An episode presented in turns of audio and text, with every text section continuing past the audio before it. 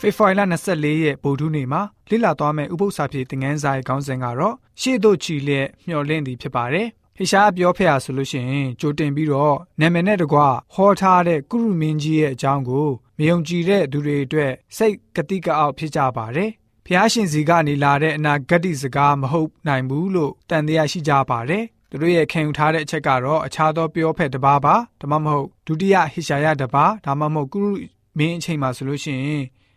အဲ့ဒီဟေရှားအနာဂတိကျမ်းခန်းကြီး40အနေ66ကိုပြန်ပြီးတော့ရေးသားတယ်လို့ယုံကြည်ကြပါတယ်ဒီလိုနဲ့ဟေရှာယကျမ်းဟာပုဂ္ဂိုလ်နှစ်ဦးရေးတယ်လို့ထင်တာမျိုးတွေဖြစ်လာပါတယ်ထိုနည်းတူစွာအဲ့လိုအရေးသားကြောင့်ပြောဖက်ဟာကွမျက်ခံရတယ်လို့နားလည်ကြပါတယ်ရာဇဝင်မှာဟေရှာယနောက်တူဦးပြန်ပေါ်လာတယ်လို့ဖော်ပြထားခြင်းတက်တည်တကံမရှိတော့လဲပဲအဲ့ဒီသူရှိခဲ့မယ်ဆိုရင်တမန်ကျမ်းစာကနေမဖော်ပြခဲ့ခြင်းအကြောင်းဟာထူးထူးဆန်းဆန်းဖြစ်မှာဖြစ်ပါတယ်။ အကြောင်းကတော့သူ့ရဲ့သတင်းစကားဟာအလွန်မှပင်အရေးကြီးတဲ့အတွက်ကြောင့်ဖြစ်ပါတယ်။ရေးသားမှုတွေဟာပညာသားပါပြီးတော့ပြောင်မြောက်လာပါတယ်။ရှေးအကြဆုံးသောကျမ်းကိုလည်းပဲကိုးကားရေးထားတာမဟုတ်ဘူး။ကိုရန်ကနေလည်းပဲမဟုတ်ဘူး။ဟေရှားအနာဂတိကျမ်းခန်းကြီး39နဲ့40ကြားကိုဖတ်တဲ့အခါမှာနောက်ထပ်ရေးသားမဲ့သူတဦးတယောက်ရဲ့စကားရိပ်စကားသမ်းမျိုးနဲ့မိတ်ဆက်ပေးတာမျိုးကိုလည်းပဲမတွေ့ရပါဘူးဟေရှာယရဲ့အခြေခံသတင်းစကားဟာ ကျမ်းတအုပ်လုံးကိုခြုံငုံထားပါတယ်စစ်မှန်တဲ့ထာဝရဘုရားကိုကိုးစားပါလူမျိုးတွေကိုကယ်တင်ပေးမဲ့မေရှိယအရှင်ကယ်တင်ရှင်အကြောင်းပါဝင်ပါတယ်အခြားအနာတကိုးတွေကိုအလေးထားခြင်းမရှိပါဘူး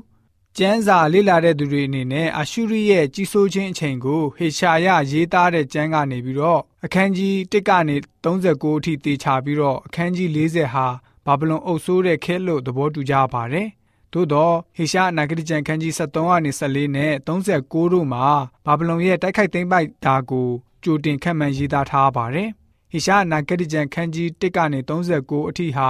တရားစီရင်ခြင်းအပိုင်းကိုအထူးရေးသားထားပြီးတော့ဟေရှာအနာဂတိကျမ်းခန်းကြီး40နဲ့ငွေ66အထိကတော့အပေးနှစ်သိမ့်တာကိုအထူးဖော်ပြထားပါတယ်။သို့တော်လည်းပဲအရှိပိုင်းကျမ်းချက်တွေမှာလည်းပဲဘုရားသခင်ရဲ့တတ်တာစေမှုအားပေးမှုအကြောင်းတွေများစွာရေးသားထားပါတယ်။ နောက်ပိုင်းအရေးသားတွေမှာဥပမာဟေရှားအနာဂတိကျမ်းခန်းကြီး40နဲ့အငယ်18ပြီးတော့အငယ်25ဟေရှားအနာဂတိကျမ်းခန်းကြီး43ငွေ22ကနေ28နဲ့ဟေရှားအနာဂတိကျမ်းခန်းကြီး48ငွေ1ကနေ17တို့မှာယူဒလူမျိုးတွေဟာဖျားရှင်ကိုစွန့်ပစ်တဲ့အတွက်ကြောင့်တရားစီရင်ခြင်းအမှုကိုပြုတဲ့အကြောင်းဖော်ပြပါရှိပါတယ်။ဟေရှာယဟာအနာဂတ်မှာတက်တာခွင့်ရမယ့်ဒုက္ခဆင်းရဲခြင်းအကြောင်းကိုလည်းပဲကြိုတင်ဟောကြားထားခဲ့ပါတယ်။ လူတွေရဲ့အပြစ်ကြောင့်နိုင်ငံတော်ဟာကြောက်မက်ဖွယ်ကပ်ဘေးကြီးကြုံခဲ့ကြရပါတယ်။အဲ့ဒီထဲမှာအချို့သောသူတွေဟာမိမိတို့ရဲ့မျှော်လင့်ချက်ကိုလက်လွတ်မခံလိုကြပါဘူး။ဘုရားသခင်ရဲ့ဂရုတော်မှာမိခိုမျှော်လင့်ပြီးတော့ရှိနေကြပါတယ်။ဘုပြကျန်ခန်းကြီး26အငယ်40အနေ45အတိုင်းပဲသူတို့ရဲ့မျှော်လင့်ချက်ကိုထားထားတာတွေ့ရပါတယ်။အဲ့ဒီကျမ်းချက်ကိုဖတ်ပါမယ်။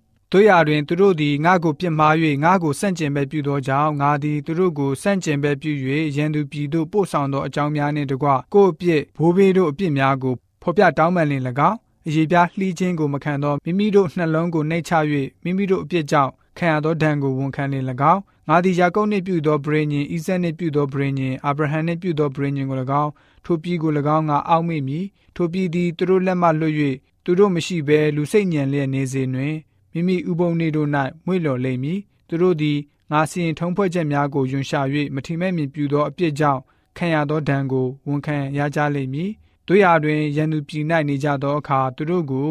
ရှင်းရှင်းဖြည့်ဆည်း၍သူတို့နှင့်ငါပြုသောဗြေညင်ကိုပယ်သည့်တိုင်အောင်သူတို့ကိုငါမစွန့်ပစ်မယွန်ရှာငါသည်သူတို့၏ဖျားသခင်ထာတော်ဖျားဖြစ်၏ငါသည်သူတို့၏ဖျားသခင်ဖြစ်အံ့သောငါတာတနာပလူတို့မျက်မှောက်၌အကတုပြည်မှငါနှုတ်ဆောင်သောသူတို့ဘိုးဘေးနှင့် ငါပြုသောပရိညင်ကိုသူတို့အတွက်ငါအောက်မေ့မည်ငါသည်ထာတော်ဖျားဖြစ်သည်ဟုမိန့်တော်မူ၏ဆိုပြီးတော့ဖော်ပြထားတာတွေ့ရပါတယ်ဣသရေလလူမျိုးကိုဖျားရှင်ဆိုလို့ရှိရင်ဘယ်လိုမျိုးမိန့်တော်မူခဲ့တယ်လဲဆိုတာကိုကျွန်တော်တို့တွေ့ရှိရမှာပဲဖြစ်ပါတယ်ယခုလက်ရှိအချိန်မှာလည်းပဲကျွန်တော်တို့ယုံကြည်သူများအနေနဲ့မိမိတို့ရဲ့ဘဝတက်တာမှာဖျားရှင်ကိုကြောခိုင်းတဲ့ယုံကြည်သူမျိုးမဖြစ်ဘဲနဲ့ဖျားရှင်ရဲ့ညွှန်ကြားချက်အတိုင်းဖျားရှင်ရဲ့အလိုတော်အတိုင်းအသက်ရှင်တဲ့ယုံကြည်သူတွေဖြစ်စေဖို့အတွက်ဗုဒ္ဓနည်းဥပုသ္စာဖြစ်တဲ့ငန်းစာကဖော်ပြထားပါတယ်။